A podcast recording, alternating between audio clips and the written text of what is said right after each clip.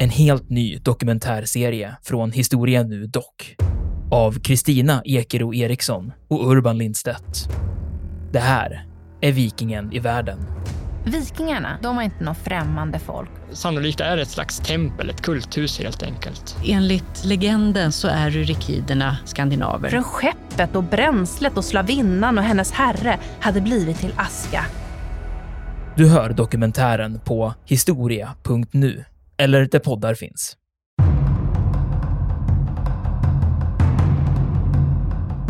Och det är att man väljer från israelisk sida att använda sig av, av stridsvagnschefer som står upp med, med öppen lucka. Det gör man ju för att man har en bättre överblick och att mål, eh, målangivningarna i de här mycket snabba sekvenserna som sker här, och det går så fort så man måste se direkt och ha överblick. Men också för att visa stridsmoral. Därför har man väldigt, väldigt höga förluster, stora förluster på stridsvagnschefer. Och det finns ju exempel på stridsvagnschefer som ju leder och slår ut alltså enskilda eh, eh, Centurion-stridsvagnar som slår ut alltså 30-40 syriska stridsfordon under de här striderna. Framförallt på en plats som heter Tårarnas dal de här nu första dygnen här.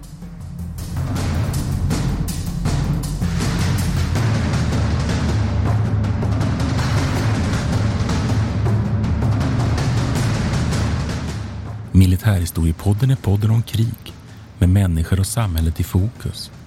Programledare är Martin Hårdstedt, professor i historia vid Umeå universitet och Peter Bennesved, doktor i idéhistoria. Podden ges ut av förlaget Historiska Media. Stöd gärna MH-podden via vårt swishnummer 123 610 76 68. Märk betalningen med MH-podden.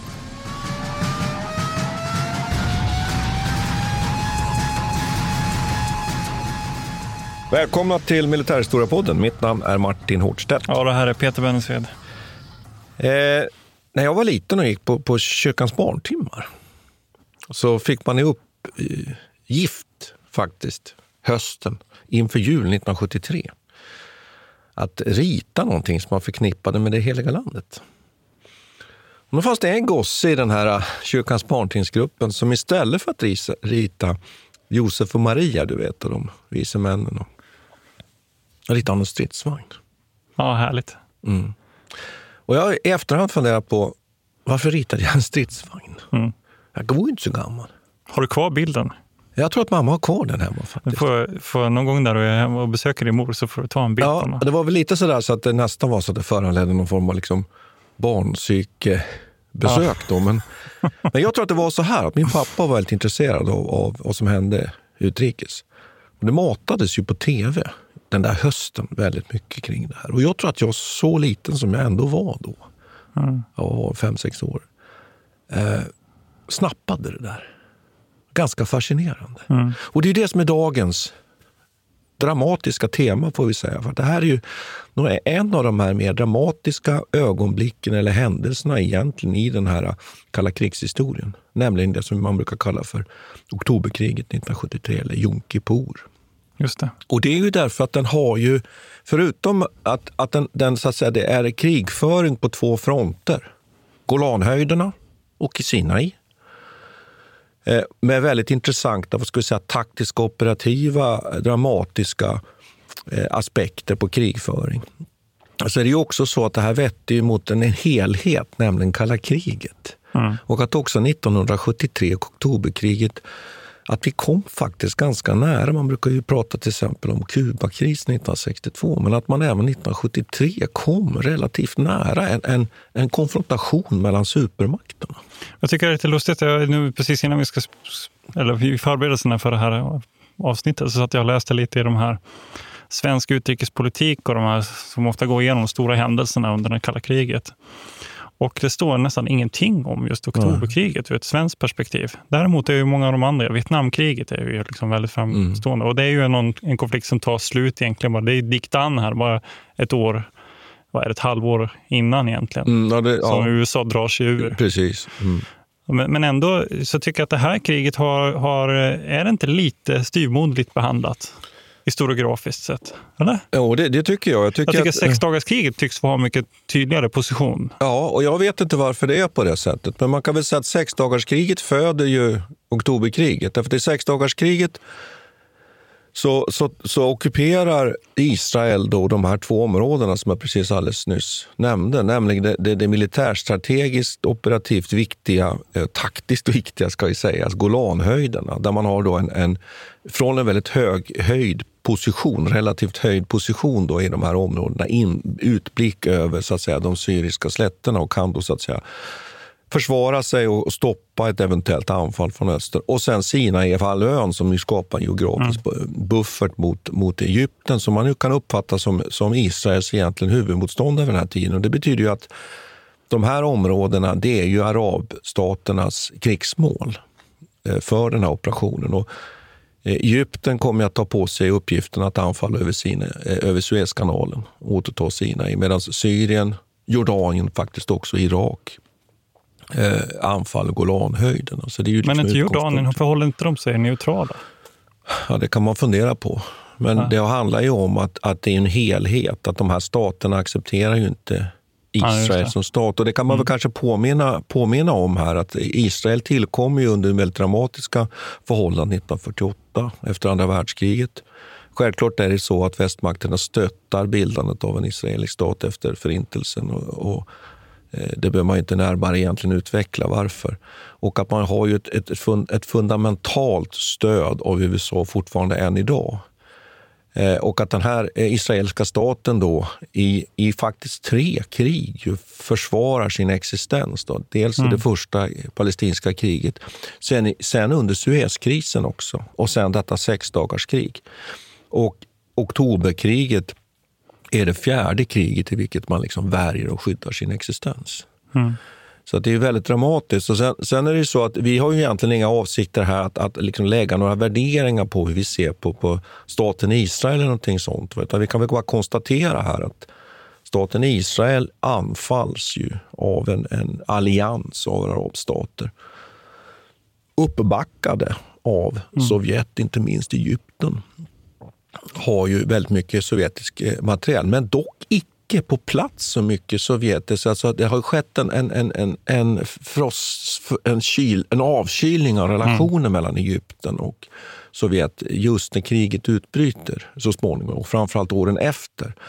Men det finns ett starkt materiellt stöd från Sovjet. Quality sleep is essential. That's why the Sleep Number smart bed is designed for your ever-evolving sleep needs. Need a bed that's firmer or softer on either side? Helps you sleep at a comfortable temperature? Sleep Number smart beds let you individualize your comfort so you sleep better together. JD Power ranks Sleep Number number 1 in customer satisfaction with mattresses purchased in-store. And now save 40% on the Sleep Number limited edition smart bed for a limited time. For JD Power 2023 award information, visit jdpower.com/awards. Only at Sleep Number stores or sleepnumber.com. This is Paige, the co-host of Giggly Squad, and I want to tell you about a company that I've been loving, Olive and June. Olive and June gives you everything that you need for a salon quality manicure in one box. And if you break it down, it really comes out to $2 a manicure, which is absolutely insane. It's also so easy to get salon worthy nails at home with Olive and June. The difference between how your nails used to look when you did them yourself and now with the Manny system is a complete game changer. The best thing about Olive and June too is it's a quick dry. Dries in about one minute, lasts for five days, and full coverage in up to one to two coats. Visit oliveandjune.com slash perfectmanny20 for 20% off your first system. That's oliveandjune.com slash perfectmanny20 for 20% off your first system. There's never been a faster or easier way to start your weight loss journey than with PlushCare. PlushCare accepts most insurance plans and gives you online access to board-certified physicians who can prescribe FDA-approved weight loss medications like Wigovi and Zepbound for those who qualify. Take charge of your health and speak with a board-certified physician about a weight loss plan that's right for you. Get started today at plushcare.com slash weight loss. That's plushcare.com slash weight loss. plushcare.com slash weight loss. Det finns många intressanta konsekvenser också av det här kriget som, Som, eh, eh, och jag tänker då framförallt på oljekrisen som, inte, som oftast brukar behandlas som en egen, som någonting eget som inte har med det här att göra. Men det finns väldigt tydliga kopplingar mellan oktoberkriget. Eller vad ska man säga, det, det förklaras ju givetvis att det sitter ihop. Va? Men, men eh, att de här faktiskt sammanfaller på ett väldigt intressant sätt tycker jag inte man tas upp så här jättemycket. Speciellt inom den här genren som jag håller på med, där det är mycket som miljöhistoria och så, är man ju närmast mm, besatt mm. av oljekrisen. Men man tar inte riktigt upp eh, ja. vad, på vilket sätt det här kriget faktiskt påverkar det. Ja. En jätteintressant eh, episod eh, överlag också, för tiden efter här så är ju det som en ny politisk ordning för de här arabstaterna också. Att de på något vis upp, upptäcker sin, sin förmåga och sin makt att på egen mm. hand agera tillsammans gentemot västvärlden och också mot Sovjetunionen. Och det är ju en eh, ganska stor konsekvens. Ja, och, och, och, att man kan styra ja. västvärlden genom att eh, styra tillförseln av olja. Precis, man kan ja. samarbeta på ett sätt som man inte har gjort förut egentligen. Och att oktoberkriget ju, ju stärker den här tendensen. Diskussionerna finns ju redan mm. innan bland arabstaterna, men att oktoberkriget ligger ju det som triggar det här ännu mer. Mm.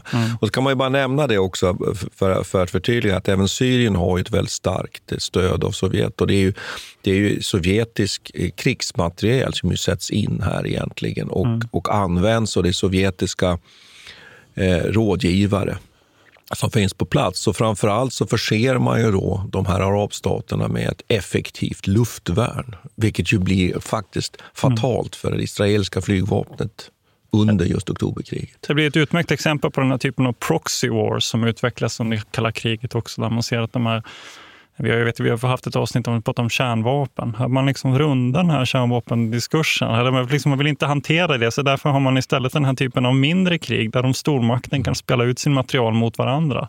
Och det har vi sett flera. Det börjar med Koreakriget. Mm, mm. Eh, man slåss genom ombud. Ja, precis. Ja. Man slåss genom ombud i en svensk, mm. svensk översättning. Ja. Och här, för här är ju eh, intressant, det är ju ett litet, liksom, eh, det är ju ett tredje världskriget i lite miniatyr pågår här. Jo.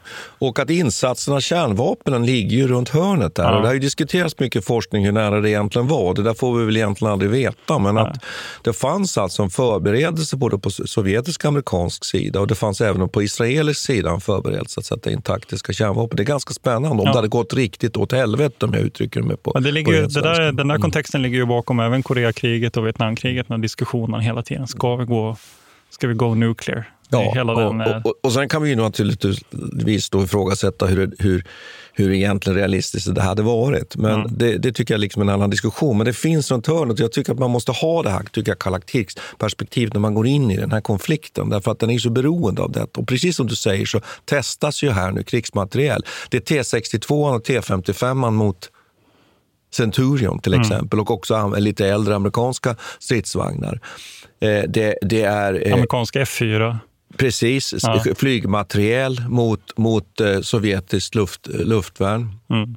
Eh, samma stil och så. Och, och, så att det är så uppenbart att det här kriget hade ju inte kunnat utkämpas på den här nivån överhuvudtaget om det Nej. inte var så att man hade haft den här uppbackningen. Och det är ganska omfattande strider. Jag kan bara nämna att det, det, det som sen utvecklas som egentligen ett pansarslag på, på Sinai, även på Golanhöjderna, men i Sinai är ju det största pansarslaget sen, sen, sen Kurskslaget under andra världskriget. Aha, så det är ganska mycket stridsvagnsmateriel ja. som drabbar samman. Ja, det är spännande. Jag tycker att man läser så, så, märker man också att bara, så jäkla snabbt det bara eskalerar. De här konflikterna brukar inte riktigt vara av den här eh, Alltså den här magnituden. Det är på, på, på, en gång så blir det väldigt många involverade och väldigt många döda och det är väldigt mycket förstörelse på en gång. Att, mm. det, ja, men ska vi gå igenom här eh, Ska vi gå igenom själva händelseförloppet? Ja, alltså då, jag, har fler, jag har fler kontexter sen som jag skulle vilja dra. Men vi kan det, köra, det, det, det trillar inte på ett år. Ja. det, nej, men man kan väl säga det är lite pedagogiskt svårt där, för det är två fronter. Det Golanhöjderna har vi redan fixerat och det är Sinai-halvön och det sker ju samtidigt. Mm. Kriget inleds ju på båda de här fronterna. Men om vi börjar med Golanhöjderna ändå så är det ju så att man, det finns något som heter Purple Line, då, en, en, en, en, Stilleståndslinjen, stilleståndslinje där det finns till och med FN-posteringar. De kommer att vara kvar en del av de här posteringarna faktiskt under kriget. De hukar ju bara där under striderna. Här. Och Sen finns det så att israelerna har ju då på den här Hermonhöjden, Hermonberget, så har man då en, en, en sån här att, eh, eh spaningspost där man tittar in, alltså visuellt och även radar, kan, kan, kan då se vad som händer på den syriska sidan. Och det man då upptäcker tidigt den 6 oktober, det är att plötsligt plockar ju de syriska artilleriställningarna bort sina kamouflagenät och sen öppnar man eld. Och sen är kriget igång. Och det som ju är problemet för, för Israel är ju att man har ju valt att egentligen gruppera två stycken reducerade brigader. Och tanken är att man ska ha en så stark avskräckning att de här brigaderna i förgjorda, förberedda eldställningar Plus att man då har en underrättelsetjänst man menar ska veta att anfallet kommer så att man minst har 48 timmar att kunna helt enkelt mobilisera. Så att strategiskt tänker man så här. Vi har, vi har lite trupper ute vid gränsen, vid Suezkanalen och på Golanhöjden. Och sen har vi reservdivisioner. Och sen beroende på hur kriget utvecklar sig så för vi fram de här divisionerna. Och vi kommer att ha då en förvarning, räknar man med, då på 48 timmar. Och här kan man väl säga att den, den israeliska underrättelsetjänsten misslyckas, jag ska inte säga helt, men åtminstone delvis. Ja, de får varningar, va? Men ja, de får varningar, man lyckas inte analysera. Och, och ja. Det här är en sak som sen undersöks i efterhand. Eh, och när anfallet väl kommer så ställs alltså väldigt underlägsna trupper. Och tanken var ju att de här reducerade brigaderna då, eh, på Golanhöjden eh, eh, handlar ju faktiskt om bland annat då att man, man ju i de här förgjorda ställningarna då menar att man har ett övertag och att man också ska använda det israeliska stridsflyget där man lägger de största resurserna. Mer än hälften av resurserna läggs ju på stridsflyget. Att den ska ha, det ska ha sån avskräckande effekt att man helt enkelt kan slå ut in ett, ett initialt anfall, ett, ett, liksom ett strategiskt överfall från, från arabstaterna. Problemet är ju då, som vi var inne på här, att, att det fungerar ju inte därför att på samma sätt man hade tänkt. Därför att man har fått den här sovjetiska luftvärnsmaterielen. Så, att, så att här är problem från början. Då, va? Så man kan, man kan säga att några lite så intressanta siffror här, bara för att liksom ha klart för sig vad det liksom handlar om. här. Att initialt ställs alltså ungefär 3 000 man på israeliska sidan med 180 eh, stridsvagnar ungefär 60 artilleripjäser på Golanhöjden. Det är det man har att sätta in omedelbart. Då. Ställs alltså mot ungefär 800 syriska stridsvagnar och 600 ju... artilleripjäser och 28 000 man. Och så ska man också komma ihåg att eh, syrierna kan ganska omgående redan under ja. andra dygnet sätta in ytterligare två stycken pansardivisioner. Och det gör ju att man kan säga att oddsen här är väldigt, är väldigt extrema. Det finns alltså delar Delar av de här striderna förs ju från israelisk sida med att man möter med 40 stridsvagnar så mycket som 500 stridsvagnar och pansarfordon på den syriska sidan. Så att oddsen är ju oerhört ojämna. Och det är sovjetiska pansarvagnar? Alltid. Ja, det är det. Och det, det är inte bara lite äldre T55, utan det är ju också det, det som ju var en förhållandevis modern stridsvagn vid den här tiden, T62, som också har en, en fenstabiliserad projektil som slår igenom alla den, den, all den israeliska stridsvagnsmateriel som finns. Det bästa som, som eh, israelerna har, det är den uppgraderade eh, eh Centurion-stridsvagnen som kallas, kallas ju av israelerna för, jag hoppas jag säger rätt, uttalar det här rätt, men Shoot kallar de den för. Och den har fått en dieselmotor, bland annat därför att den är lite mindre lättantändlig och så vidare. Så det, här, det är de här som ställs mot varandra. Sen är det väldigt intressant att syrierna har ju mörkerstridskapacitet. Och det här gör... Är det någon slags infrared, eh, infrared ja, teknik? Det här var ju i början på den typen av... Ja. Men man kan alltså strida om mål, söka, söka i viss utsträckning eh, på natt och bedriva alltså mörkerstrid på ett helt annat sätt än vad de israeliska förbanden klarar av att göra. Det här är nästan lite som under kalla kriget och min egen militärtjänstgöring där ju den svenska armén hade begränsade möjligheter till mörkerkrig före med att vi visste ju att Sovjet hade det. Eh, det intressanta är att syrierna använder aldrig det här egentligen. Det beror på att de är så pass, har så dålig organisation så anfallen kommer aldrig igång först, först det har blivit ljust. Och det här gör israelerna egentligen inledningsvis ganska knäsvaga. För hur ska man kunna hantera detta? När man dessutom är så, så kraftigt underlägsna. Men det, det fantastiska är ju, får man väl säga nu här, jag använder fantastiskt, därför att det här är exempel på kanske några av de mest häpnadsväckande defensiva försvarsstrider som, som ge, har genomförts under 1900-talet av enskilda förband. Och det är ju den här Barakbrigaden och den, och den 77 bataljonen framförallt, eller den sjunde pansardelen, sjunde pansarbrigaden, som alltså står emot här nu initialt, framförallt på de norra delarna av mm. Golanhöjderna. Det syriska genombrottet kommer ju sen på den södra delen av Golanhöjderna framförallt. Och det är ganska fascinerande. att hur, hur klarar man att genomföra det här? Det är ju det för att man har väldigt väl, välövade, skickliga stridsvagnsbesättningar, skyttar och, och skickliga uppoffrande stridsvagnschefer. Och här kommer vi till något som är lite makabert. Vi mm. pratade ju faktiskt om det här igår. Gjorde mm. Och det är att man väljer från israelisk sida att använda sig av, av stridsvagnschefer som står upp med, med öppen lucka. Och där kan man fråga sig varför man gör det.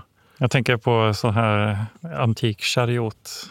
Ja, och att, men det gör man, ju, gör man ju för att man har en bättre överblick och att ja. mål, eh, målangivningarna i de här mycket snabba sekvenserna som sker här, och det går så fort så man måste se direkt och ha överblick. Men också för att visa stridsmoral. Och därför har man väldigt, väldigt höga förluster, stora förluster på stridsvagnschefer. Och det finns ju exempel på stridsvagnschefer som ju leder och slår ut alltså enskilda eh, eh, Centurion-stridsvagnar som slår ut alltså 30-40 syriska stridsfordon under de här striderna. Framförallt på en plats som heter Tårarnas dal de här nu första dygnen, här, sjätte till åttonde eh, så slår man ut hundratals syriska stridsvagnar med, med alltså ett fåtal egentligen då israeliska stridsvagnar. Och de är oerhört skickliga och stridsavstånden är oerhört små ibland. Och bland annat en av de här mest berömda då, stridsvagnsbefälhavarna faktiskt, alltså för strider på upp till 30 meter. Alltså stridsavståndet är 30 meter som en duell. Ja. Och just i det här fallet så skjuter skyttarna samtidigt och båda granaterna mm. träffar. Och den här stridsvagnsbefälhavaren stupar. Ofta stupar de här stridsvagnscheferna då genom att de ju helt enkelt blir halshuggna.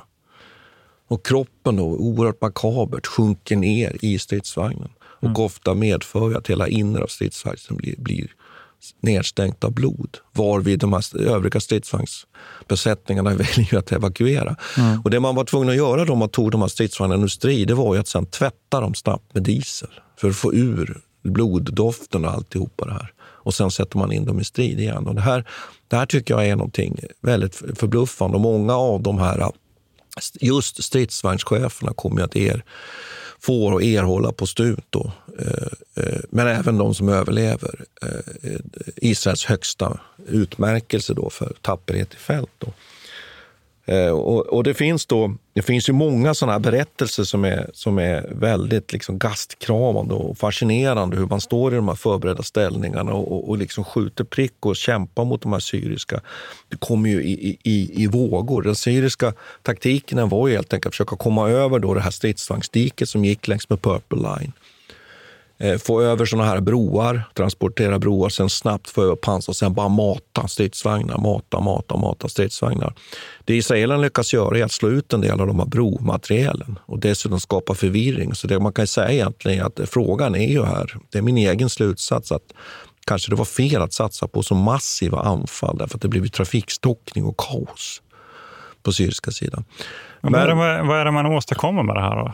Alltså, vad, vad, är resultatet? Ja, resultatet är att man håller emot i stort sett egentligen på den norra sidan Golanhöjden. Man är tvungen att sjunka tillbaks. Mm. Det kommer ett syriskt genombrott på den södra delen av Golanhöjden. Mm. Men där lyckas man då tillföra de här reservdivisionerna. Och den 8 oktober så har man lyckats stoppa upp det syriska anfallet har kört fast. Eh, och det, så det är Golanhöjderna. Sen går det några dygn med reorganisering Eh, och också det israeliska flygvapnet börjar få verkan, trots förluster här nu. Då. Mm. börjar kunna verka på allvar då mot underhållslinjer och så vidare. Och sen vänder man detta då och börjar inleda så småningom några dag, dagar senare en motoffensiv faktiskt, som ju bär in på syriskt territorium Eh, och där man ju börjar närma sig faktiskt Damaskus. Mm. Det är ganska fascinerande. En, vad jag förstår så är en av nycklarna här, och jag kan tycka är en intressant diskussion med luftvärnet. En av nycklarna till den här israeliska vändningen är just att de lyckas slå ut ett par eh, såna här luftvärnsbatterier inne på syriskt område Ja. egentligen. Ja. Och, så man får luftherravälde. Ja, och kan, eller få minska förlusterna på sitt flygvapen. Så Ja. det. Sen kan man ju säga här också att den här Hermanhöjden som, ju, som är så att säga Israels ögon, den tas faktiskt i inledningsskedet här av syriska specialförband. Eh, Så att det finns väldigt många sådana detaljer i den här striden som är oerhört fascinerande. Och, bo- alltså, och, både operativt och taktiskt. Och sen är det en väldigt skicklig motoffensiv som genomförs här. Och det är till och med så att det är irakiska förband, en irakisk division som finns här. De israeliska cheferna visar sig verkligen kunna behärska manöverkrigföringen på ett ypperligt sätt. Sen är det väldigt svår terräng här också. Det är inte så lätt att bara köra ut i terrängen för det är stora såna basaltstenar och så vidare. Så man måste hålla sig längs med vägarna och därför blir man väldigt sårbar. Och därför är det som du säger, det här, det här luftherraväldet väldigt, väldigt viktigt. Sen lär man sig här en sak och den är ju att den här satsningen på flygvapnet där man ju tror att det på något sätt ska kunna ersätta artilleriet blir ett problem. Därför att Israel är- har för lite artilleri under hela oktober, oktoberkriget. Alltså understöd artilleriunderstöd och det hade man behövt i större utsträckning. Men det lyckas man så småningom då överkomma genom att man ändå vinner luftherravälde. Är det för att slå ut pansarvagnar då? Slå ut pansarvagnar, slå ut luftvärnsbatteri, slå ut artilleri. Då. Men sen tycker jag också att man kan påminna sig, varför är det så att det här blir så framgångsrikt? Jo, det är ju därför att hela det israeliska samhället egentligen är ju i, under högtid. Man firar ju sitt judiska eh, nyår. Och det är ju självklart så att det här är en idé att man ska anfalla vid den här tid, tidpunkten. Men, men man kan väl, kan väl bara konstatera att, att, att den här striden på Golanhöjden är, är, är, är fascinerande och får man då säga imponerande ur Israels synpunkt. Och så kan man ju fundera lite på egentligen vad syrierna gjorde här. Det visar sig att de är inte uppgiften mogen, de är inte tillräckligt välövade, de kan inte samverka i förband, understödja varandra på rätt sätt. Och sen samtidigt naturligtvis ska de liksom anfalla uppåt, i uppförsbacke på något sätt. här. Men man får inte glömma bort att så långt borta var det inte att det här kunde ha blivit en katastrof. Det handlar ju också om att israelerna snabbt lyckats få fram förstärkningar. Därför att Ba- Barakbrigaden och 77 eh, sjunde pansarbrigaden, delar av den, hade inte klarat att hålla emot hur länge som helst. här.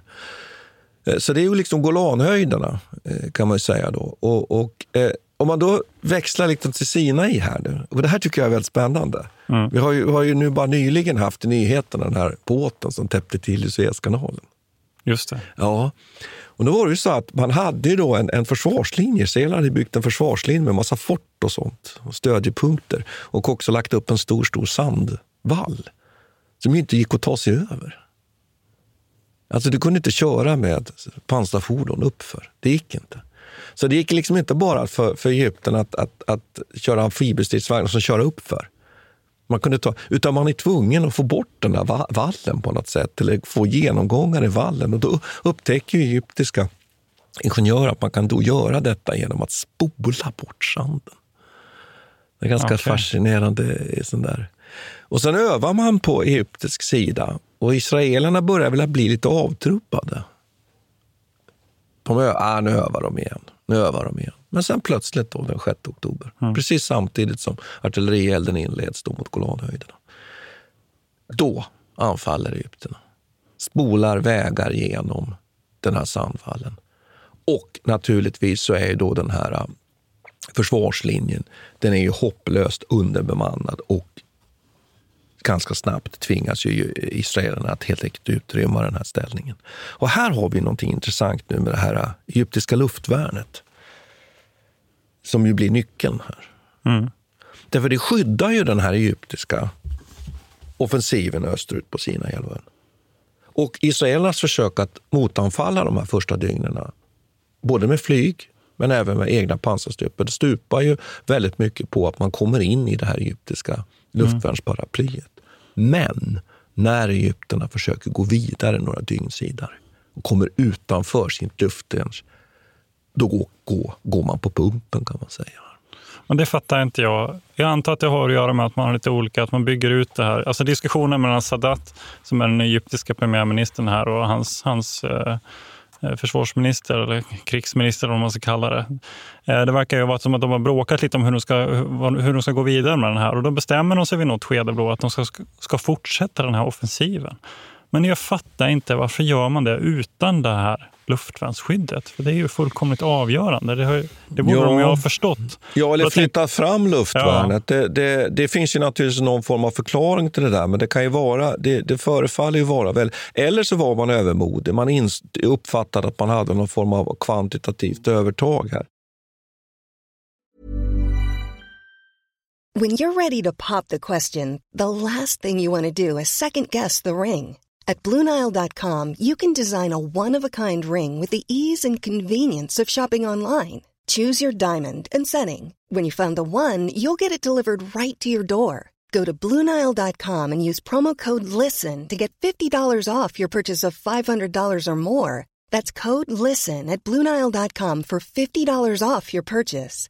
Bluenile.com code LISTEN. Normally, being a little extra might be a bit much, but not when it comes to healthcare. That's why United Healthcare's Health Protector Guard fixed indemnity insurance plans, underwritten by Golden Rule Insurance Company, supplement your primary plan so you manage out of pocket costs. Learn more at uh1.com. This is Paige, the co-host of Giggly Squad, and I want to tell you about a company that I've been loving, Olive and June. Olive and June gives you everything that you need for a salon quality manicure in one box. And if you break it down, it really comes out to $2 a manicure, which is absolutely insane. It's also so easy to get salon worthy nails at home with Olive and June. The difference between how your nails used to look when you did them yourself and now with the Manny system is a complete game changer. The best thing about Olive and June too is it's a quick dry, dries in about one minute, lasts for five days, and full coverage in up to one to two coats. Visit oliveandjune.com slash perfectmanny20 for 20% off your first system. That's oliveandjune.com slash perfectmanny20 for 20% off your first system.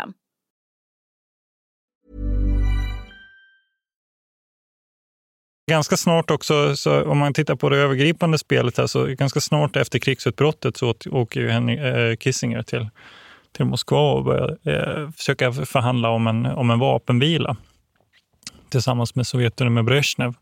Jag antar att det också, eh, och han vill ju fördröja det här för att han vill inte att kriget ska avslutas för tidigt. Jag antar att det måste vara en sån logik som ligger bakom här då, att man inser från Egyptisk sida att man måste ta mera, mera mark så att säga, för, för att förbättra sitt förhandlingsläge. För man förstår ju att alldeles, alldeles snart så kommer det bli med vapenbilar, ja. ja. Båda sidor jobbar ju mot den här vapenbilen som du säger, för det sätter ju igång direkt ja. FN, en FN-process. Och det tycker jag man kan skjuta in här också. Jag vill bara tillägga det för, i det här mm. sammanhanget att Golda Meir som ju är premiärminister och, och ytterst ansvarig i Israel, så att säga, hon, hon säger ju nej till förslag på, på ett sånt här för, för anfall när israelerna börjar förstå att det pågår en, en uppladdning. Det som man gjorde i sexdagarskriget, nämligen slog ut det egyptiska flyget på, på marken. Helt enkelt ett sånt där preemptive strike, så att säga. Och det, det säger, man, säger hon nej till. Och skälet är ju att man ju efter då sexdagarskriget förlorar i så mycket goodwill att det är internationellt. Och det kan man ju fundera lite kring här. Ju. Att man jobbar ju hela tiden mot den här vapenvilan. Man försöker ta så mycket landområde som möjligt bara för mm. att, ja. Och att det är ett problem detta egentligen, både för, för eh, den arabiska sidan men också den israeliska sidan. Att man jobbar mot den här vapenvilan. Det visar också hur den här konflikten ju påverkas av det Ja, på något, det är precis. Det pågår, något, exakt, ja. det pågår något så mycket större ja. eh, bakom kulisserna och att man egentligen inte förhandlar direkt med varken Israel eller Egypten utan det här handlar om Kissinger åker till eh, Moskva och träffar Brezhnev. Bara det säger någonting om vilken typ av magnitud det är. Man kan säga att USA och Ryssland här, de förstärker, de ju, har, ju, har ju eller Sovjetunionen, de har ju väldigt stora flottstyrkor också i Medelhavet ja, som bara ja, ligger och vilar ja. och som också byggs på. Mm. Sovjetunionen är mer eller mindre dubblar ju sin, sin närvaro. Mm. Det är, det, det, det är det som är Sovjets egentligen tanke med att ha en fot in i Egypten. Att eventuellt kunna ha en, en det är den här gamla viljan tänker jag, från Krimkriget, att nå ut i Medelhavet. Det är ja. Jag pratar om kringkriget i mitten av 1800-talet. Det är ganska spännande faktiskt. Att, ja, just. Ja, så är det ju. Och det också finns amerikanska flottstyrkor som mm. har en närvaro här. Så att det här finns, finns, finns hela tiden som en, en, en, liksom en, en extra dimension till det här kriget. Mm. Men men det här första anfallet från Egypten, alltså man flyttar ju över ungefär 30 000 man alltså under första dygnet. Här. Det är ganska, det där får man ju säga att den egyptiska armén visar ju en, en, en kompetens. Utan eh, misstagen hos egyptierna är ju mer sen, så att säga, i det rent operativa, sen, i det här taktiska lyftet över eller operativa lyftet över Suezkanalen. Där, där är man framgångsrik och skicklig, man har genomtänkt och man överrumplar verkligen israelerna. Men det är när man sen involveras då i, kan man säga, då det här formen av kursk, pansarslaget med, mm. med israelerna, då är man, är man underlägsen och man är hela tiden underlägsen när det gäller den enskilda soldatens uppträdande och stridsvagnsbesättningarna, samtidigt som man inte har sämre materiel egentligen. Mm. Eh, och sen är väl problemet från Egyptens sida att det här israeliska anfallet också är ju väldigt, väldigt väl genomtänkt och är ju ett verkligen klassiskt exempel på en sån här kraftsamling och genombrytning att man från israelisk sida väljer då att, att satsa på att anfalla mitt emellan två stycken eh, egyptiska arméavdelningar. Och det gör att egyptierna blir ju träffade i veka-livet, så att säga. Just det, och de tar sig faktiskt över här. Eh, över kanalen? Över kanalen. Mm. Och så bara något dygn senare så är israelerna liksom tillbaks. Va? Och inleder ju sen den här, den här eh, offensiven, man brukar kalla för operation Gazelle. Men och där är ju tanken från israelisk sida att ta så mycket som möjligt på västra sidan om, om Suezkanalen, kanske till och med hinna ta Kairo. Och det är ju nu är vi inne på det här egentligen. Man jobbar ju nu mot mm. den här tidtabellen, vapenvilan, FN, för att ha någonting att förhandla med. För man inser ju här att någon, någon gång i framtiden kommer man involveras i en fredsprocess där man inte kommer få behålla sina i halvön. Så att, Precis som i Syrien också så siktar man ju till, ganska snart på de här eh, luftvärnsbatterierna som finns på Egyptisk sida. Ja. Så att man å, återigen kan ta luftherraväldet ja. även på, över Sinai-halvön. Man penetrerar ju som, som det heter ja. liksom den, den, den, egyptiska slaglinjen här. Då. Nu pratar jag, låter det som att jag pratar om slaget vid Lützen här, men så att säga, och kommer in på djupet. Mm. och lyckas då eh, leta upp och slå ut de här, många av de här luftvärnsbatterierna, vilket ju ökar möjligheterna naturligtvis när offensiven kommer igång. Då. Det är ganska fascinerande. Man tar ju man, man tar sig över och tar ju ett, ett, ett, stort område alltså på västra delen av Suezkanalen. Eh, eh, och egentligen utmynnar ju sen kriget egentligen i att det övergår ju sen så småningom i en vapenvila då, då, den, den 24 eh, oktober. Då där, där det här av, avrundas. Då. Men Ja, det finns ju mycket annat, eh, många intressanta kontexter här som, pågår liksom utanför själva stridigheten också. Att det är ju säga, reaktionen från USA. Jag tycker vi kan prata lite om Nixon och, ja. och eh, Kissinger här också. Att det är ju, för, för det första från USAs sida så är, har det här föregåtts av en tid då man eh, är lite färdig med krig. så att säga. Vietnam har man ju precis... Man är färdig. bränd. Man är ja. verkligen bränd. Och det kan man ju bara säga att Nixon ja. som ju ofta brukar, brukar få väldigt mycket skäll och det har ju handlat mycket om Watergate och så vidare. Han är ju faktiskt den presidenten som är på väg att avveckla kriget i, i, i, Vietnam. Det är lite spännande här. Det är alldeles ja. Watergate-skandalen pågår ju för övrigt exakt nu. Ja. Och det är det som är intressant, där, för Kissinger tar en väldigt viktig roll i de här förhandlingarna och Nixon ger honom i princip helt och hållet eget förhandlingsutrymme. Det, det uppstår för övrigt en, en liten konflikt mellan de två när, han, eh, när Kissinger åker till Brezhnev i Moskva. För då har, utan, eh, utan Kissingers vetskap så har Nixon skickat ett meddelande till Brezhnev och gett Kissinger full, eh, fulla rättigheter att, att förhandla och USAs vägnar. Men Kissingers strategi är att låtsas som att han inte kan göra det för att så förhala den här eh, vapenvila-processen så att israelerna hinner vinna tillbaka områden. Mm, mm. Så uppstår, de, har, de har vissa kommunika intressanta kommunikationsmissar som pågår där. Men hur som helst, det som är kanske mest intressant då, det är ju det här understödet. Det är ju så att eh, Golda Meir ber ju USA om, om finansiellt stöd, eller materiell i alla fall, för att eh, så att säga, kompensera för de förluster man har. Man begär 860 dollar av USA mm. Eh, i, i, i, värde då, alltså mm. eh, flygplan och, och mm. annan materiell. Eh, men ganska snart så, så bestämmer sig Kissinger för att de ska få ungefär två miljarder okay. De skickar ju över en, och den här, det här kallas för Operation Nickelgrass som har blivit väldigt... Alltså klassisk luftbro? Ja, en klassisk luftbro. Alltså. Mm. Och, och de skickar ju över ett oerhörd mängd material, bland annat 40 stycken F4-plan, 46 mm. stycken A4, alltså stridsplan som man, eh, man använder sig av, 12 stycken eh, transportplan, 8 helikoptrar och sen en mängd andra då, fordon och även sådana här luftvärnsbatterier. Eh, mm. Och ammunition. Ja, för, och för det, det kan jag lägga till att man blåser ju iväg så mycket ammunition under oktoberkriget. Man blir förfärad på israelisk sida, även på, på, på arabisk sida, över hur mycket ammunition det går åt. Mm. Och de här stridsvagnarna på Golanhöjderna som, som, ju ingår, som deltar i de här avvärjningsstriderna där, de skjuter ju slut alltså hela tiden, bara fylls på. Så att just det här med 10,5 och då ska man komma ihåg meter, att USA har ju precis... stridsvagnar, ja, Centurion. Ja. Mm. Exakt, ja, men då ska komma ihåg att USA kommer också från den här positionen nu då, att man har ett väldigt bespottade från det internationella samfundet mm. över vad som har hänt i Vietnam. Tilltufsade får man ja, säga. Dåligt har, självförtroende precis, nästan. De har lite. tappat lite av sin, sin aura som, som liksom, eh, fredsgaranten i världen. Mm. Och nu återigen så ska de då skicka in den här enorma... Ska det bli ett nytt Vietnam av det här? Det är också intressant att Nixon året innan, han, han, han har ju då bestämt sig för att han ska ha det här ett year of Europe. En slags eh, återkoppling till västmakterna i Europa för att liksom, reparera de, de eh, relationerna som har slagits i kras i samband med Vietnamkriget. Kritiken på amerikanskt uppträdande i Vietnam. Ja, precis. Mm. Och bland annat Sverige har varit ledande här med Olof Palme. Bland annat. Men då, och, och, så nu, nu ger de sig i kast med det här igen. Då. Och det finns ju en del diskussioner om hur EU agerar på det här.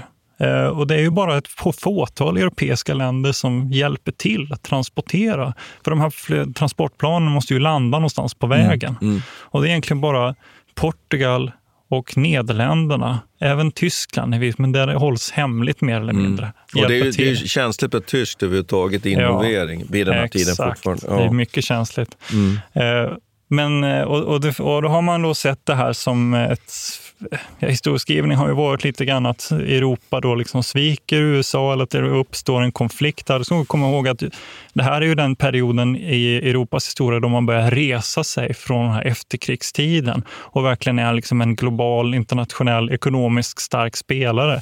EU börjar växa sig till. Nu är det nio länder som är med här. Mm. Eh, och man mm. kan få faktiskt första gången egentligen i internationella sammanhang som EU kan forma någon slags egen policy. Mm. En utrikespolitisk policy. Mm. Och det sker här mm. i oktoberkriget, oktoberkriget på ett väldigt intressant mm. sätt. Mm. Sen har man liksom ifrågasatt det här med hur, hur motvillig eh, Europa egentligen är. Då, då kommer man konstatera senare att nej, men, det var ju bara Portugal och Nederländerna som fick förfrågan. Okej. ja.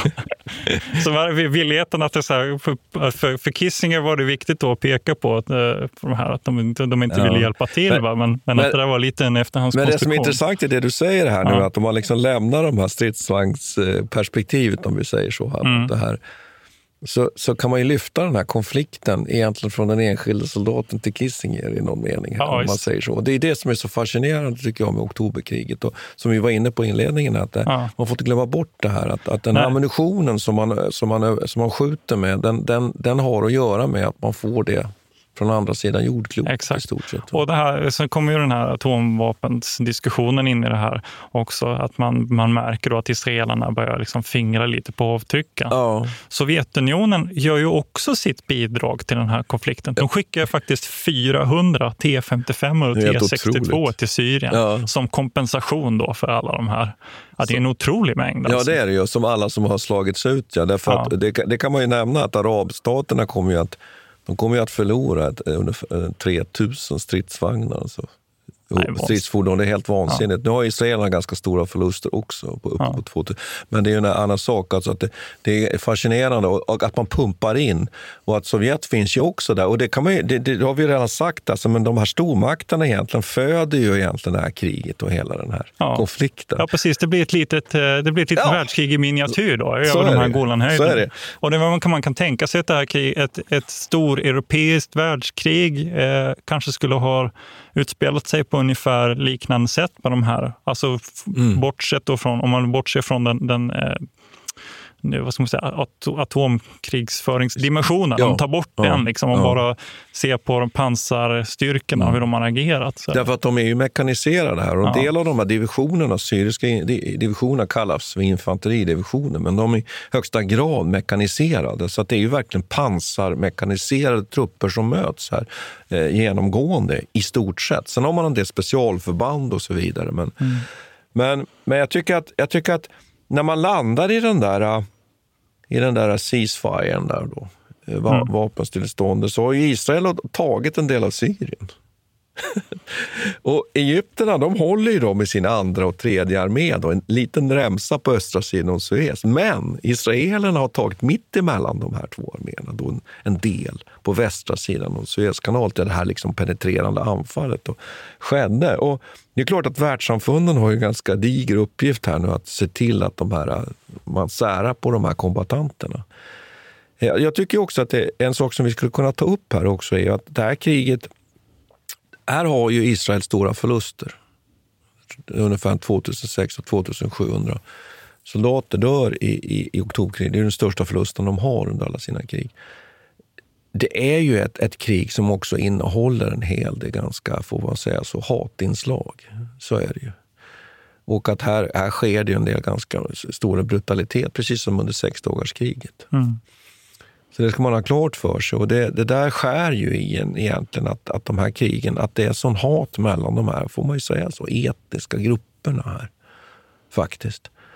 Eh, eh, mellan israeler och de här arabstaterna. Och som, vi, som jag, upprepa, jag vill upprepa det här att Golda Meir säger ju det, det att vi, vi, vi, slåss för vår, vi slåss för vårt liv och vi kommer, inte att, vi kommer inte att ge upp. Och Det är därför att vi slåss för vår existens, säger de. Mm.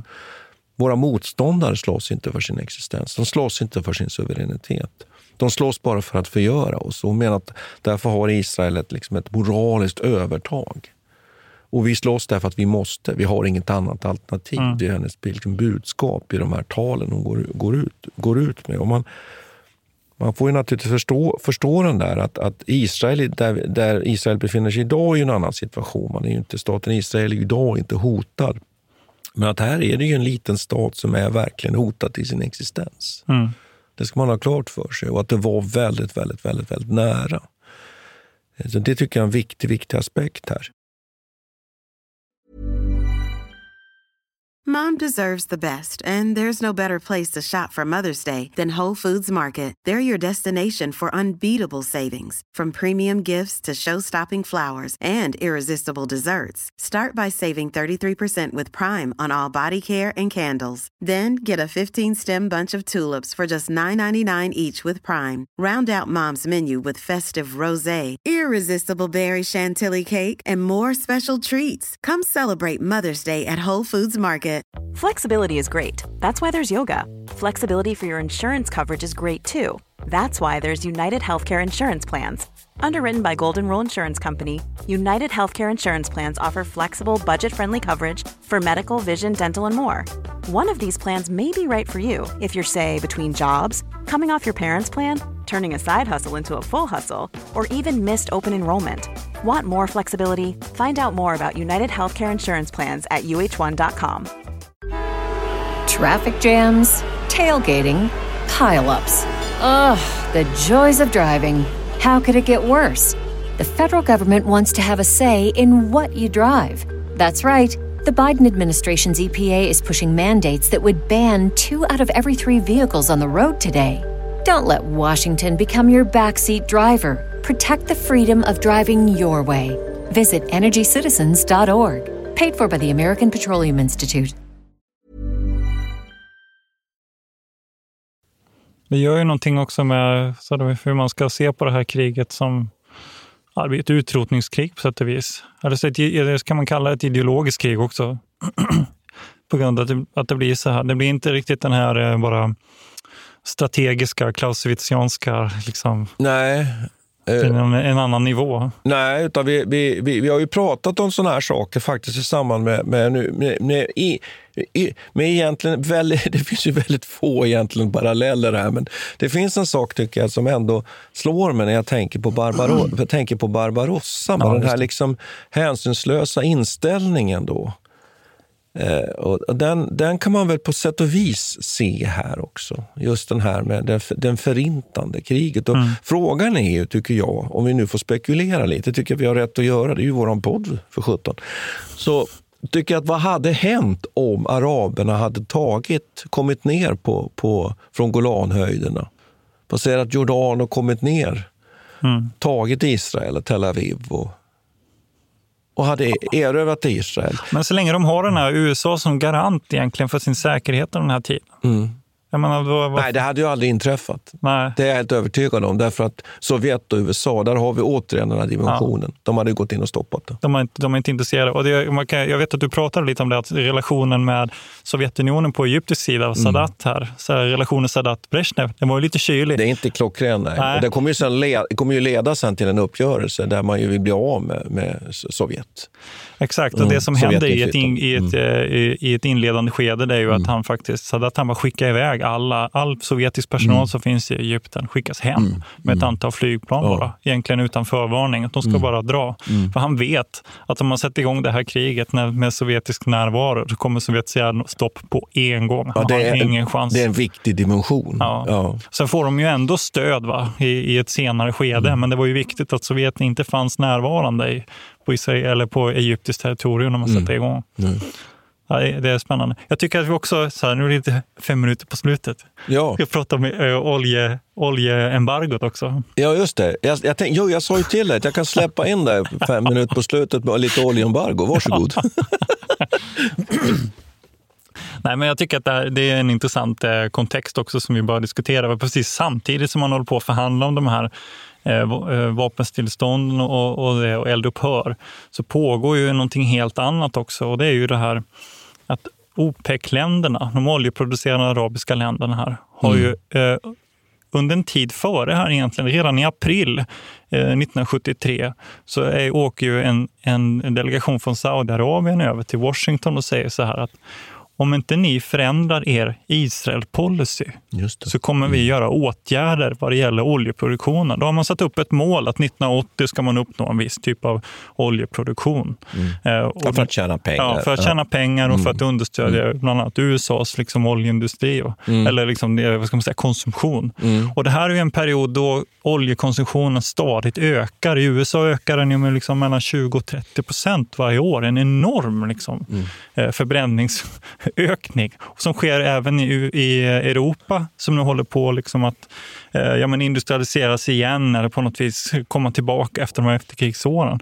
Så de har ju redan tidigt då hotat med detta. Sen under september månad faktiskt, och det är delvis av en slump, eller man vet väl inte huruvida OPEC-ledarna hade någon aning om vad Egypten och Syrien planerade. Ja, precis. De måste ju ha planerat under en mm. tid. Va?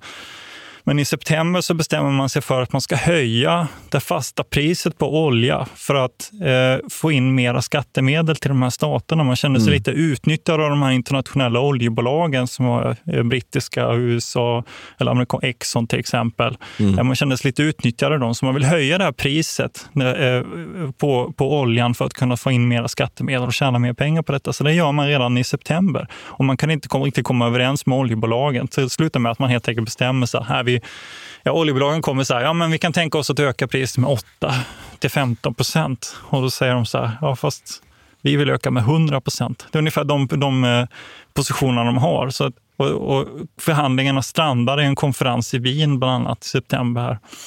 Och så bestämmer sig OPEC-länderna då enhälligt att de ökar eh, priset med 70 procent. Och det här sker då i september. Sen sker ju kriget. 6 oktober. 8 oktober ska man ha återigen en ny konferens där man ska förhandla om det här. Men de här eh, förhandlingarna är bara i princip havererat totalt.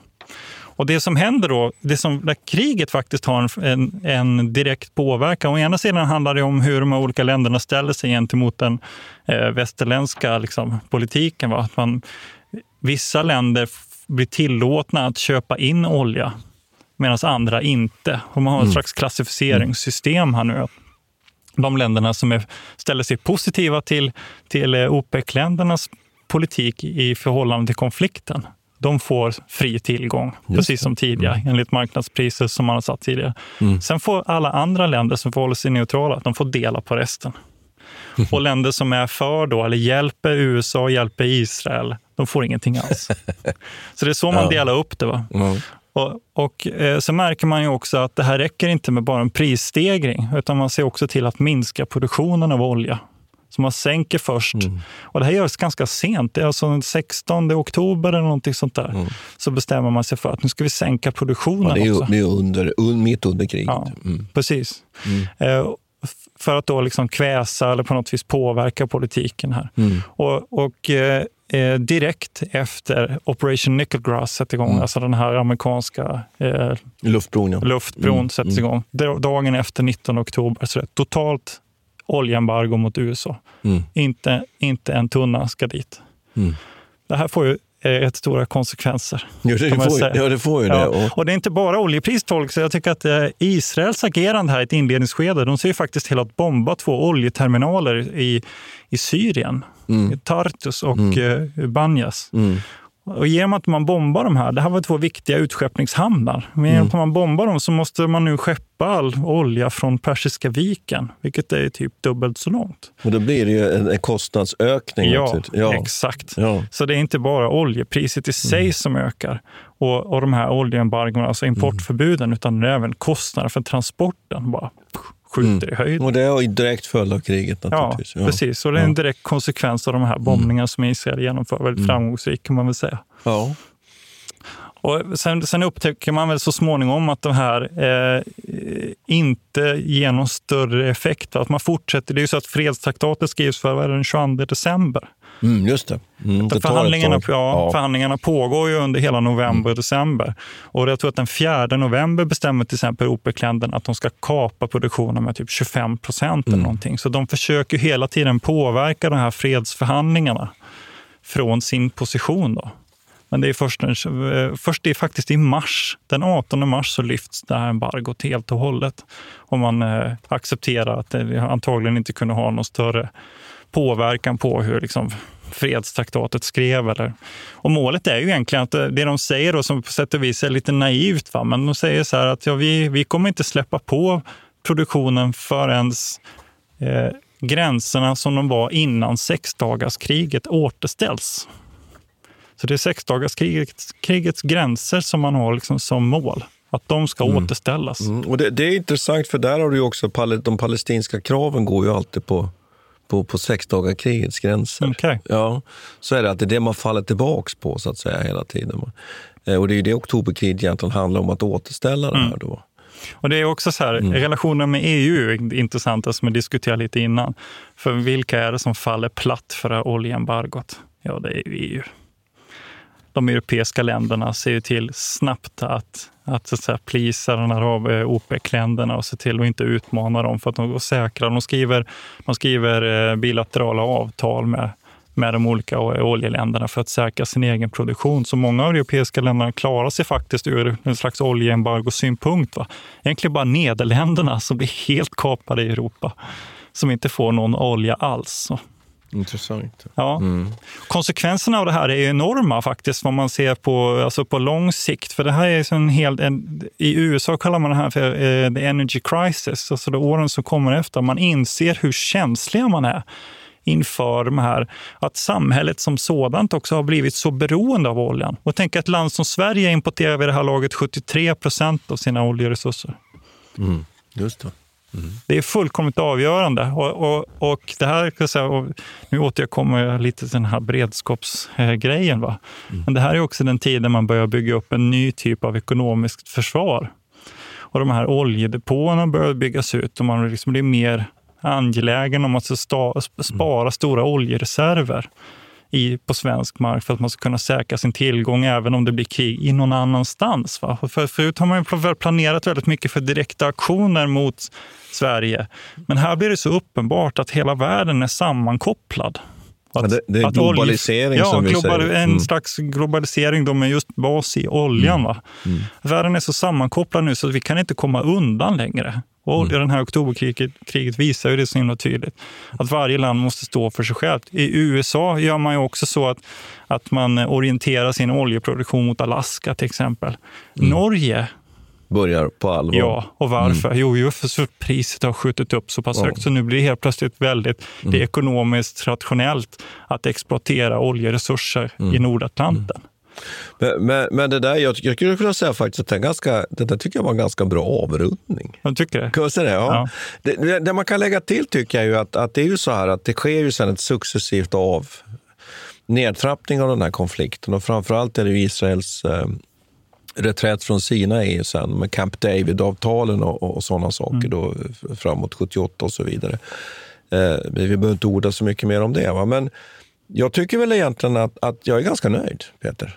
Ja, ja det finns ju, det här det är ett intressant eh, krig. Det är det. Vi har anledning sätter en väldigt intressant punkt på liksom kalla kriget och hela den kontexten. Ja, och vi har ju anledning nog att komma tillbaka tycker jag till de här Mm. andra, både sexdagarskriget och, och Suezkrisen Mm. eh, i, i kommande podcast. Eh, vi får väl helt enkelt säga tack för oss. Ja, tack ska vi ha Martin. Tack ska vi ha. Vi tackar Peter Bennesved och Martin Hårdstedt. Kontakta gärna Militärhistoriepodden via mejl på militarhistoriepodden historia.nu. Peter och Martin vill gärna få in synpunkter och förslag till programidéer.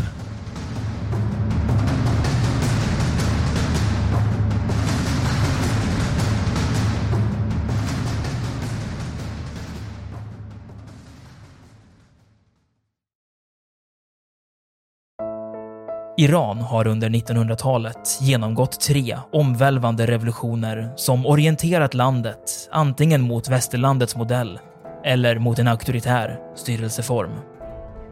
Idag pågår en social revolution i landet som vänder sig mot det islamistiska styret och vars anhängare har Europa och väst som förebilder. I en viktig bok ger idéhistorikern Mohammad Faslashemi en djupare förståelse för dagens dramatiska händelseutveckling. Iran mellan tre revolutioner är utgiven av förlaget Historiska Media.